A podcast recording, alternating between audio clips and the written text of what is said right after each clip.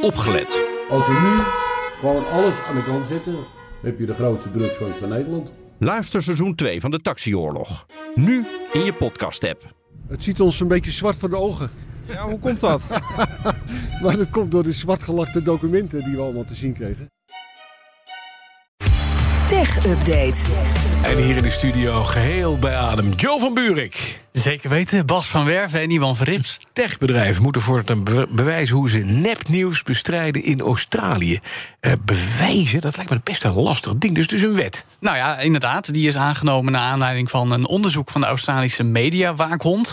Die zegt dat uh, 80% van de mensen wel eens nepnieuws tegenkomt op social media. Ik denk eerlijk gezegd dat er nog wel meer zijn. Want als ik soms door mijn timeline scroll, dan zie ik ook dingen dat ik denk van dat, dat hoort daar echt niet thuis. Mm -hmm. Maar goed, nu moeten dat soort bedrijven, dus nou, de tech-reuzen achter platforms zoals Facebook en Twitter, meer verantwoordelijkheid nemen, zegt ook de Australische minister van Communicatie. Bij wet nu dus, schrijft nu.nl deze ochtend. Um, en die wordt ook ondersteund, notabene, door de brancheorganisatie in Australië die Facebook, Google, Hmm. Twitter en TikTok representeert. Dus DIGI. Dus dat is wel interessant. Geen ja. van hé, hey, uh, dit kan allemaal niet, dit is Maar- te streng. Nee, echt ondersteuning.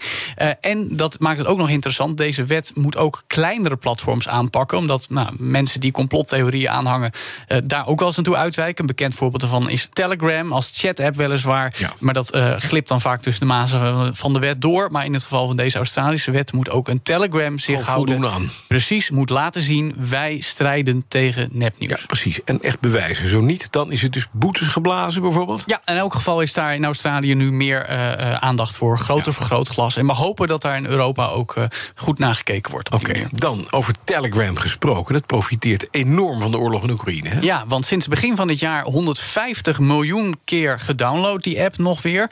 Ehm, volgens schatting heeft Telegram nu tussen de 500 en 550 miljoen actieve gebruikers. In Nederland, eh, volgens cijfers, komt dat uit op 1,6 miljoen, waarvan 600.000 mensen dagelijks aan het telegrammen zijn. Nou, en in Rusland is Telegram nu extra belangrijk, omdat Facebook, Instagram en Twitter daar nu geblokkeerd zijn. Je kan er nog wel op met een VPN-verbinding, maar niet meer eh, via de bekende reguliere weg. En in Oekraïne is Telegram ook belangrijk voor mensen om in contact met elkaar te blijven en het nieuws een beetje te blijven volgen. Ehm, zeker om ook als gemeenschap nog met elkaar te communiceren. Ja, het verhaal van Telegram, Russische makers, maar die zijn al in 2014 uit dat land vertrokken, werken vanuit Dubai. Ehm, ook interessant om te melden, Bas, is dat Telegram eh, naar schatting tussen de 30 en 50 miljard dollar waard zou zijn. Zo. En ze zouden vorig jaar gezegd hebben, die broers, dat ze in 2023 misschien wel naar de beurs willen. Ja. Ik ben overigens niet zo'n fan van Telegram, want er staat geen automatische versleuteling van berichten aan. Dat moet je dan zelf instellen. En nou, daar heb je het weer, die gevoeligheid voor fake news. Eh, Je kan daar enorme groepen hebben, tot 200.000 mensen, soms wel meer in de praktijk trouwens. Ehm, dus er is wel ja, een, een hoop af te dingen op Telegram. Ik ben Ja. zelf ook meer fan van Signal wat dat betreft.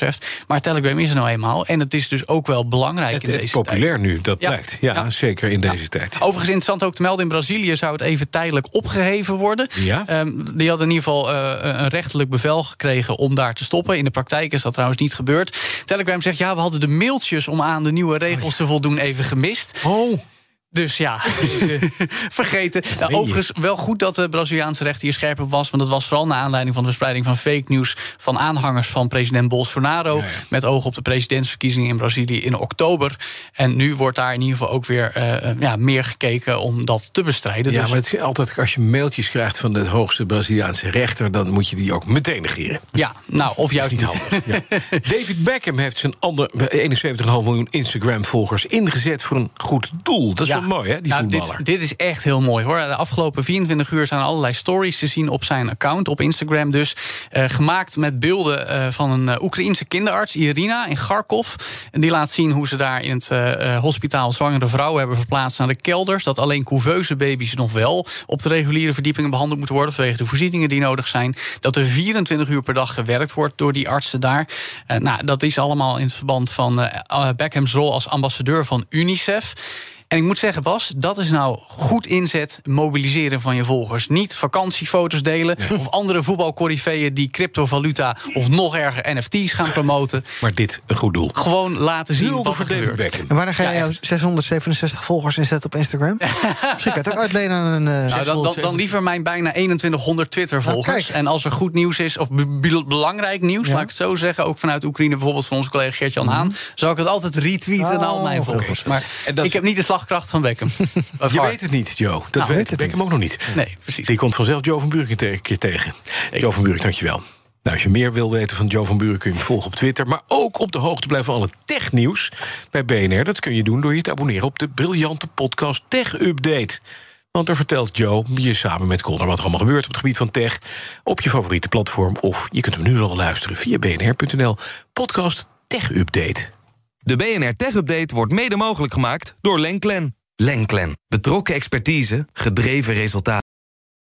Ook Liesbeth Staats vind je in de BNR-app. Ja, heel handig. Luister live naar Kees en mij tijdens de Daily Move. Dan blijf je ook gelijk op de hoogte van breaking news en het laatste zakelijke nieuws. En daar vind je ook alle BNR-podcasts, waaronder de Perestrooikast. Download nu de gratis BNR-app en blijf scherp.